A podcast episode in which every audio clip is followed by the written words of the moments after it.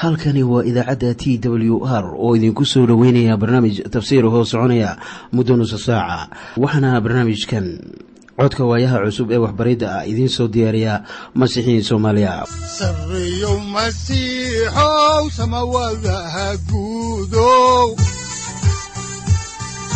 Siraadkii adduunkow subanaha eebow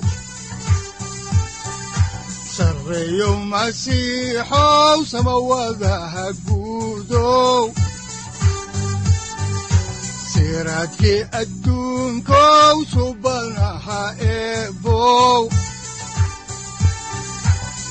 adigoo samada jiro ifkaan soo saldhiganba ku soo dhawaada dhegeystayaal barnaamijkeena dhammaantiinba waxaanan caawi horey idiinku sii wadi doonaa daraasaadkii aynu ku eegeynay injiilka sida matayos qoray waxaana daraasaadkaas loogu magac daray baibalka dhammaantii. Waxaan macluumaad idinka siinaynaa ahmiyadda uu leeyahay injiilka sida matayos qoray haatanna waxaan soo gaarnay cutubka afariyo tobanaad waxaana mawduuca ama mawduucyada uu ka hadlayo cutubkani ay kala yihiin kow. Fariinwalihii ahaa yooxana baabtiisaha oo la dilay. Labo ciise oo dib u soo noqonaya ha yeeshee waxaa dabagalay dad badan. Saddex ciise oo quudinaya ilaa iyo shan kun oo qofood oo xertiisa u diraya badda iyada oo ay jirto welibana duufaan markaasuu badda korkeeda ku socday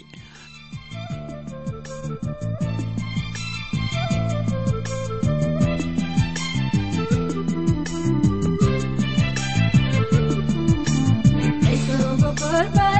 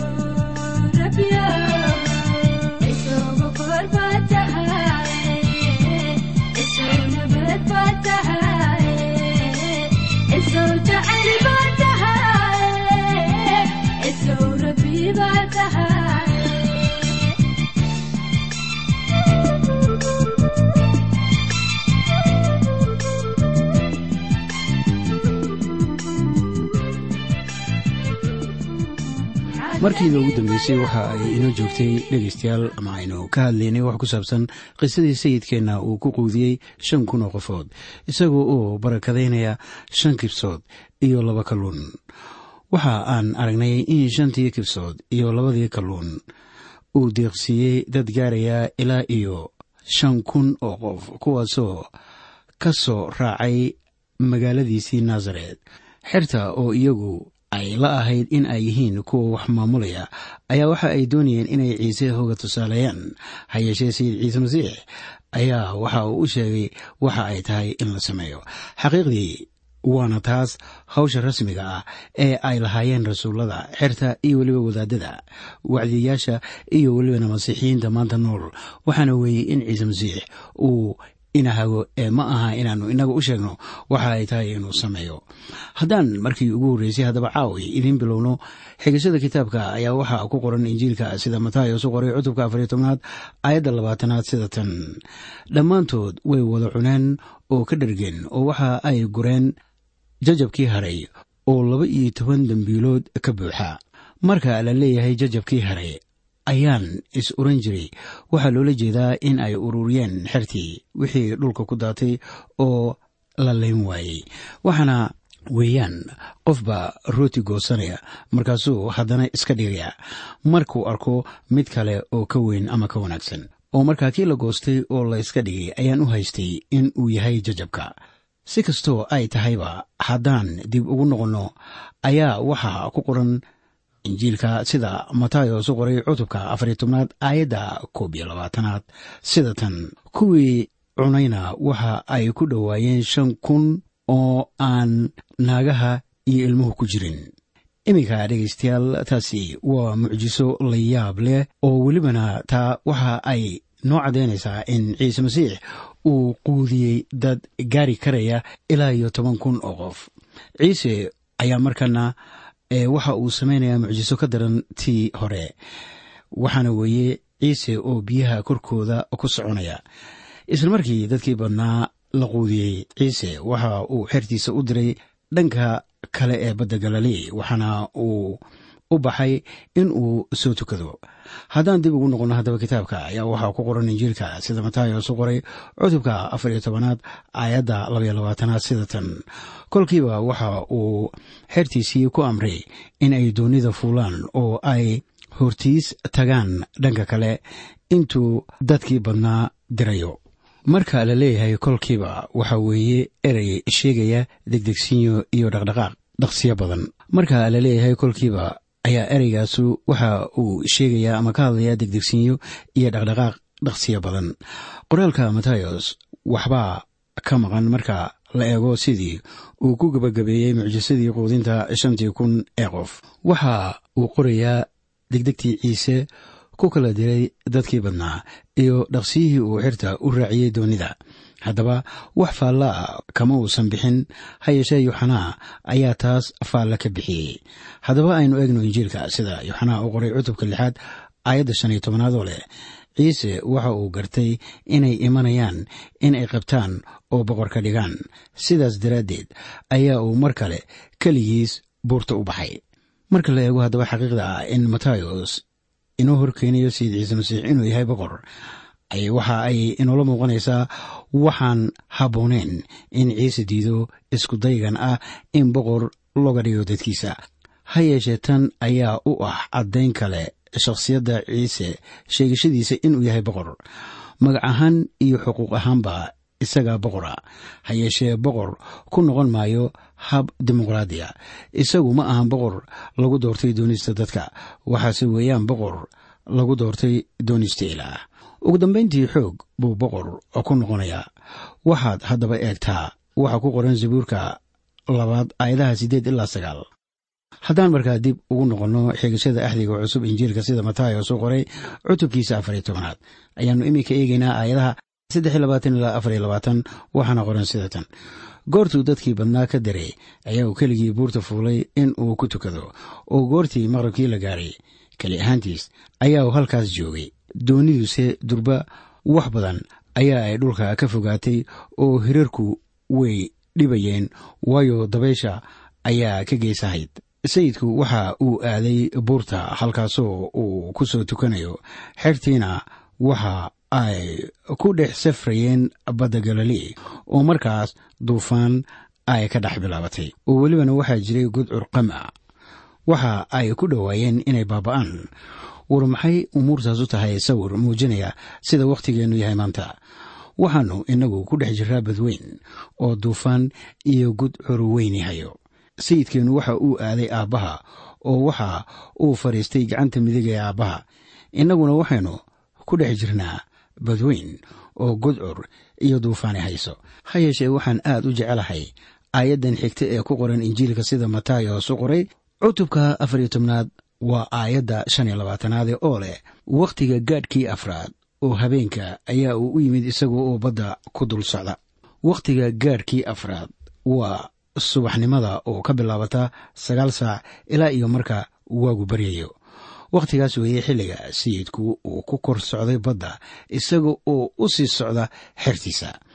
Waxaanan u malaynayaa inuu isla maalintaas ama isla ammintaasba inoo iman doono wakhtiga dhammaadkiisa. Masiixa waxa uu u yahay ilays iyo xiddiga arooryo kiniisadda wuxuuna kiniisadda ka qaadi doonaa dunida. Balaynu haatan halkii ka sii wadno kitaabka oo eegno ayadda lix iyo labaatanaad ee injiilka sida matayos qoray cutubka afar iyo tobanaad. Markaasoo qorniinku leeyahay oo xertiisii goortay arkeen isaga oo badda ku dul socda way naxeenoo waxa ay yidhaahdeen waa muuqasho oo baqdin bay la qayliyeen markaana waxa uu yimi wakhtigii gaarka afraad oo markii ay arkeen sida qorniinku leeyahay oo baqdin baa gashay oo way qayliyeen. Qofba markaa laga yaabaa inuu yidhaahdo warnimankaas waxay ahaayeen niman guracan haah waa suuragal oo waa wax suuragal ah in ay jirtay guracnaan ku dhex jirtay laakiin maxaad u malayn lahayd haddii qof biyo ku kor socda? Aad aragto adiga laftigaaga haddaba haddaan ka sii soconno waxaa ku qoran injiilka sida matayos qoray cutubka afariyo tobnaad aayadda toddobiy labaatanaad sida tan. Markiiba ciise waa la hadlay oo ku yidhi kalsoonaada waa aniga ee habaqina waxaa qoran isla markiiba ciise waa la hadlay iyagii. Waxaa taa looga gol leeyahay isla markiiba waxa uu u xaqiijiyey in waxa ay arkayaan aanu ruux ahayn ee uu isaga qudhiisu yahay haddaan halkii ka sii wadno haddaba ayaa waxaa ku qoran injiilka sida u qoray cutubka afariyo tobanaad aayadda siddeed iyo labaatanaad sida tan. Markaasaa butros u jawaabay oo ku yidhi sayidow haddaad tahay adiga waa qofka badda ku kor socda e igu amar inaan biyaha kugu dul imaado. Hadallada uu sayidka ku yidhi ayaa aalaaba rasuul butros lagu eedeeyaa. Dadka eedaynaya waxa ay yidhaahdaan ma ahayn inuu weydiisto sayidka inuu biyaha ku kor socdo. Waa hagaag anigu ninka waan ka helay waa butrose oo aad iyo aad baan ula dhacsanahay. John wesley ayaa mar yidhi waxaan ilaah ka fishaa waxyaabo waaweyn isaguna sidaas oo kale ilaah waxa uu ka filanayay waxyaabo waaweyn sida inuu badda ku kor socdo. Hubaashii sidaas baa masiixu u sameeyey butros waxaan ka baqayaa in badankeen ay ku qanacsan yihiin inta yar ee ay ilaah ka heleen. Waxaad haddaba ogaataa inaannu sayidku ku canaanan butros weydiisashadaas.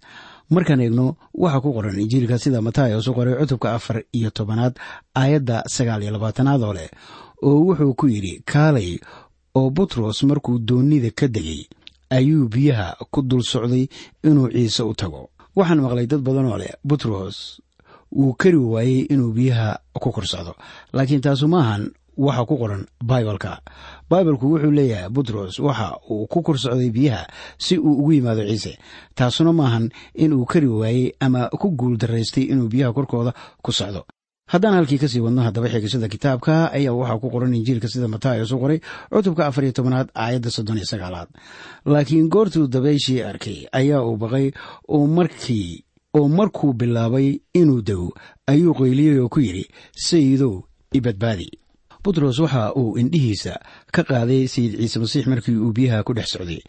Markii uu bilaabay inuu dego ama quuso ayaa uu ku baryootamay baryada ugu gaaban ee ku qoran baibalka isaga oo leh sayidow ibadbaadi. Haddii simon butros ku baryootami lahaa baryada wacdiyaasheenna ay isticmaalaan. Ee leh sayidow waxaa tahay qaadirka weyn ee xaadirka ah hadiyo goorba ayaa sida abaarta ah butros labaatan fiid badda hoosteeda u sii geli lahaa. Intaanu gaarin codsigiisa. Laakiin butros isla markiiba uu arkay in uu quusayo ayaa uu welibana si deg degsinya ah ilaah u baryay isaga oo leh sayidow i badbaadi. Aniga iyo adiguba waxa aan u baahan nahay inaan sidaa oo kale u tukanno. Haddaan halkaa haddaba ka sii wadno tixraaca kitaabka axdiga cusub ayaa waxaa ku qoran injiilka sida matayos oo qoray cutubka afariy tobnaad aayadda koob iyo soddonaad sida tan. Oo markiiba ciise gacantiisuu u taagay oo qabtay oo ku yidhi rumaysad yarayahow maxaad u shakiday? Dhibaatada butros waxa ay ahayd inuu indhihiisa ka qaaday ciise oo fiiriyey hirarkii gedgadoomayey ama isdabamarayey aniga iyo adigaba waxaynu joognaa maanta meel hirarka ay galaclaynayaan waana xilligan markaa aynu u baahannahay inaan indhaheenna ku hayno ciise masiix. Haatanna waxaan horay u sii wadaynaa xigashada waxaanan eegaynaa injiilka sida matayos u qoray cutubka afariyo tobnaad aayadaha laba iyo soddon ilaa saddex iyo soddon. Markaasoo qorninku uu leeyahay oo markay doonnida fuuleen dabayshu waa joogsatay. Kuwii doonnida ku jirayna way caabudeen isaga oo waxa ay yidhaahdeen runtii waxaa tahay wiilka ilaah sayidkeennu waxa uu mucjisadan u sameeyey nafsaddiisa si xerta haatan iimaankooda loo sii adkeeyo. Welibana simon butros oo gaaray heer uu ku yidhaahdo sayidow haddaad tahay adiga igu amar inaan biyaha kuugu imaado oo dabcanna ku socday biyaha korkooda taasoo adkaysay rumaysadkiisa.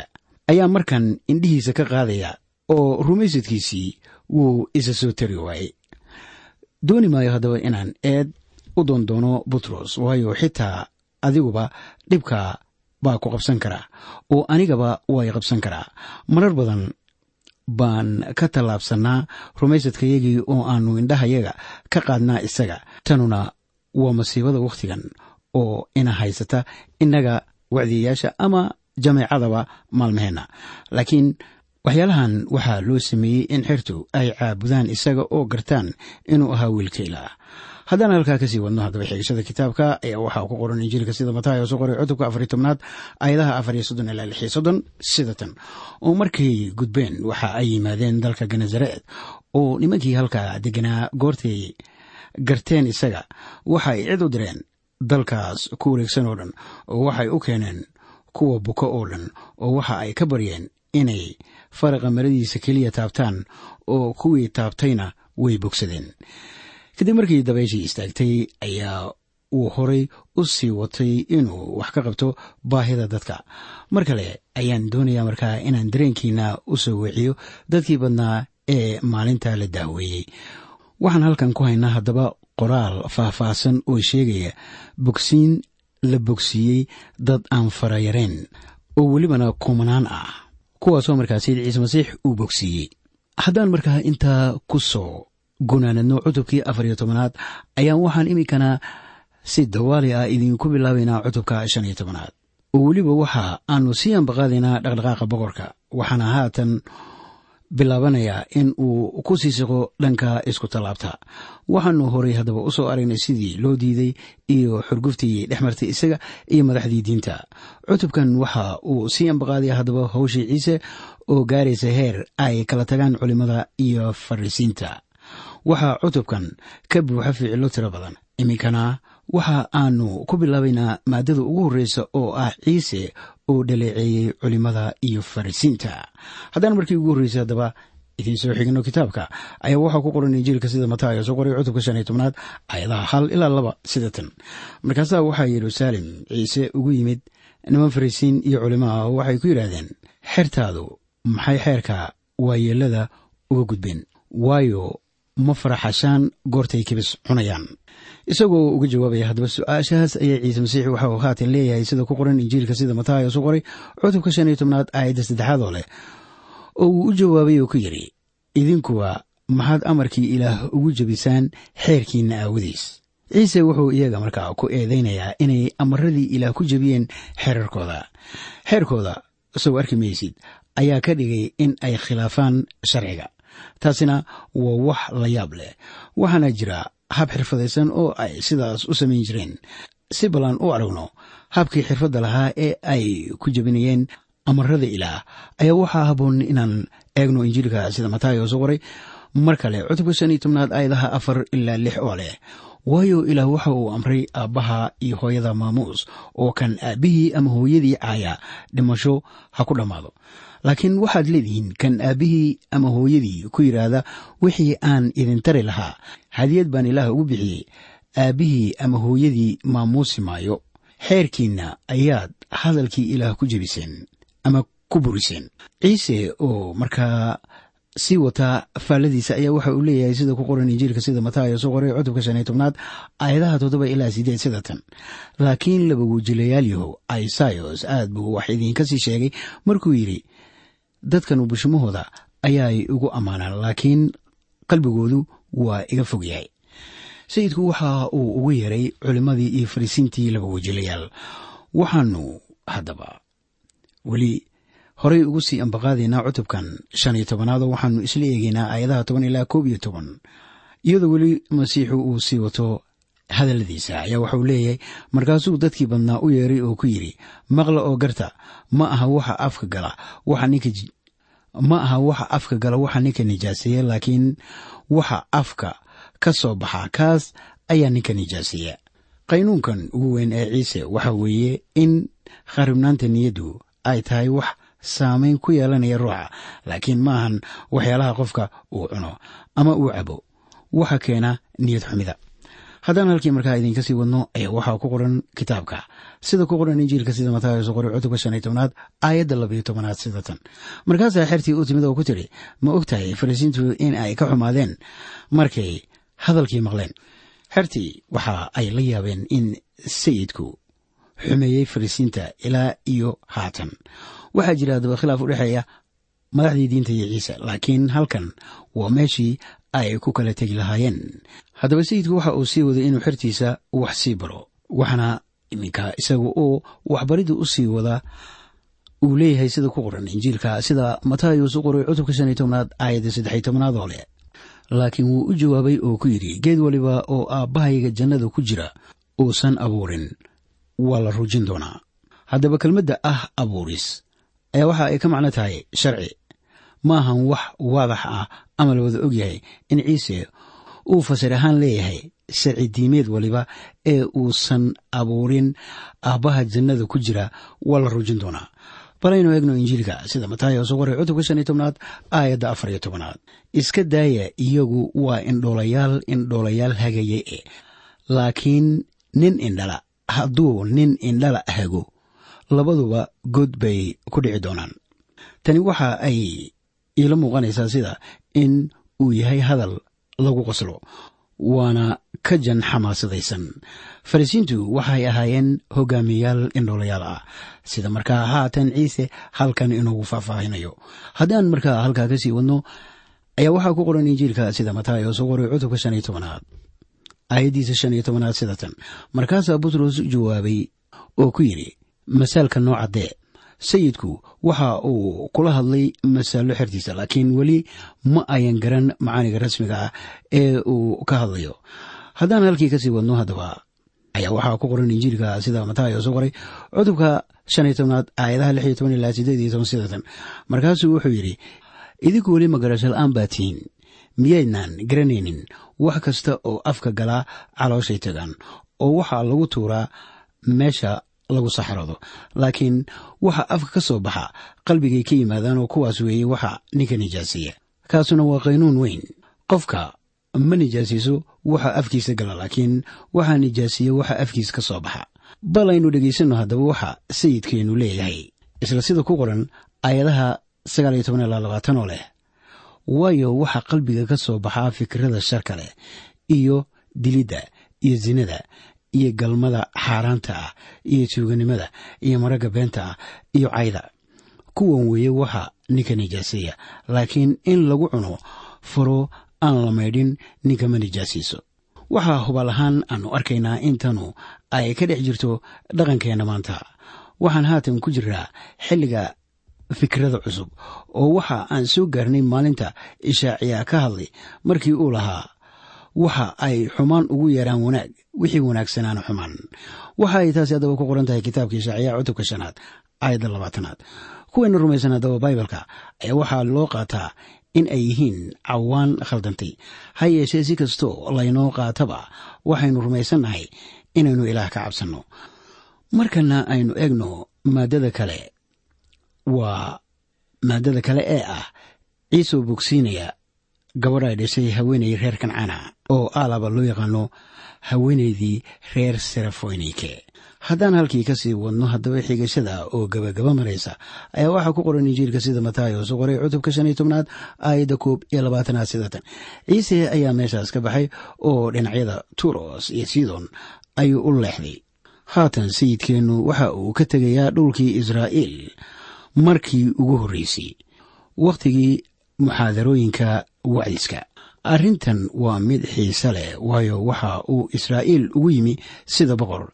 Markii xertiisa uu u diray waxa uu tusmeeyey in ay aadaan magaalooyinka israa'iil laakiin waxa uu yidhi ha aadinina meel ka baxsan guriga israa'iil.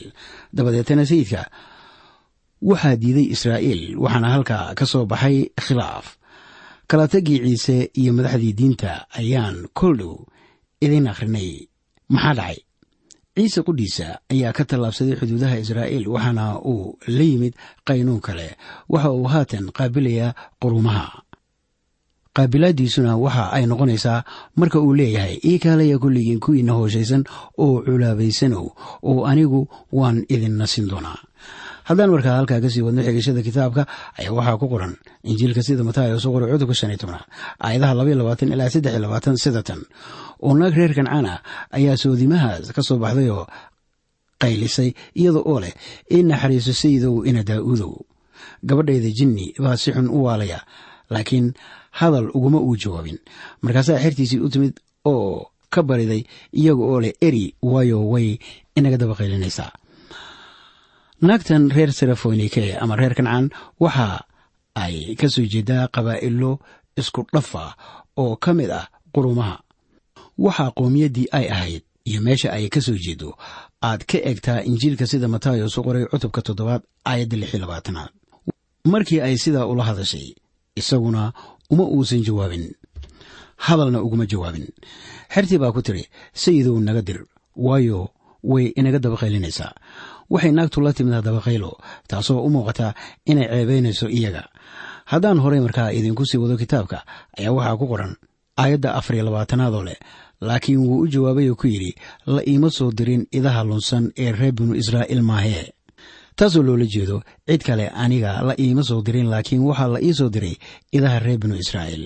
Haddaba jawaabtu waxa ay u muuqataa mid aan habboonayn laakiin waa hadal dhab ah oo qoran. Ciise waxa uu markii hore isugu muujiyey inuu yahay kelimadda waxyiyada khuseeya imaanshaha boqorka ka imanaya faraca daa'uud waxa uu ku adkaynayaa naagtan ka tirsan qurumaha in ay xaqaa'iqaas garato. Ciise wuxuu u yimi sida boqorka yuhuudda waa in aad taas halkaa ku qorato. Waxaa taasu ay noqonaysaa markaa arrinka asaliga ah ee la xallinayo taasoo markaa ah in isagu uu yahay boqor. Waxa uu dhintay iyada oo halka kore ee isku tallaabta lagu hardhay kanu waa boqor kanu waa ciise boqorka yuhuudda. Haddaba waxaad dhegaysataa wixii haweenaydu ay tiri waxaana taasu ay ku qoran tahay injiilka sida mataayo soo qoray cutubka shan iyo tobanaad aayadda shan iyo labaatanaad oo leh iyadu way u timid oo u sujuudday oo waxay tidhi sayidow i caawi. Siraadkii adduunkow subanaha eebow adigoo samaada jiro ifkan soo saldhiganba adigoo samaada jiro ifkan soo saldhiganba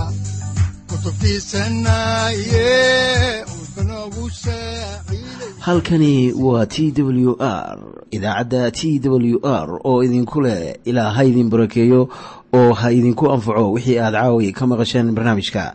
Waxaa barnaamijkan oo kalaa aad ka maqli doontaan habeen dambe hadahan oo kale haddiise aad doonaysaan in aad fikirkiina ka dhiibataan wixii aad caawi maqasheen ayaad nagala soo xiriiri kartaan som t w r at t w r c o k e haddii aad doonaysaan in aad dejiisataan oo kaydsataan barnaamijka ama aad mar kale dhegaysataan fadlan mar kale booqo www t w r o r g amase waxaad teleefoonkaaga ku kaydsataa ama ku download garaysataa agabyada ku sahli karaa dhegeysiga t w r haddii aad doonayso in laga kaalmeeyo dhinacyada fahamka kitaabka amase aad u baahan tahay duco fadlan fariimahaaga soo mari bogga aaraahda ama kommentska inana jawaab degdeg ah ayaanu ku soo diri doonaa amase ku siin doonaaye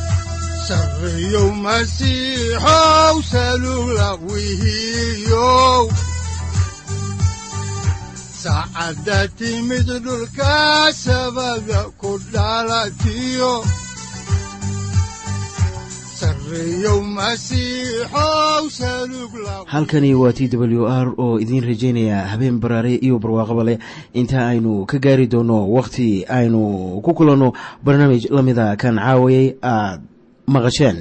Waxa aan idinku leeyahay nabadda ciise masiix ha idinku badato xagga jidhka iyo ruuxaba. Aamiin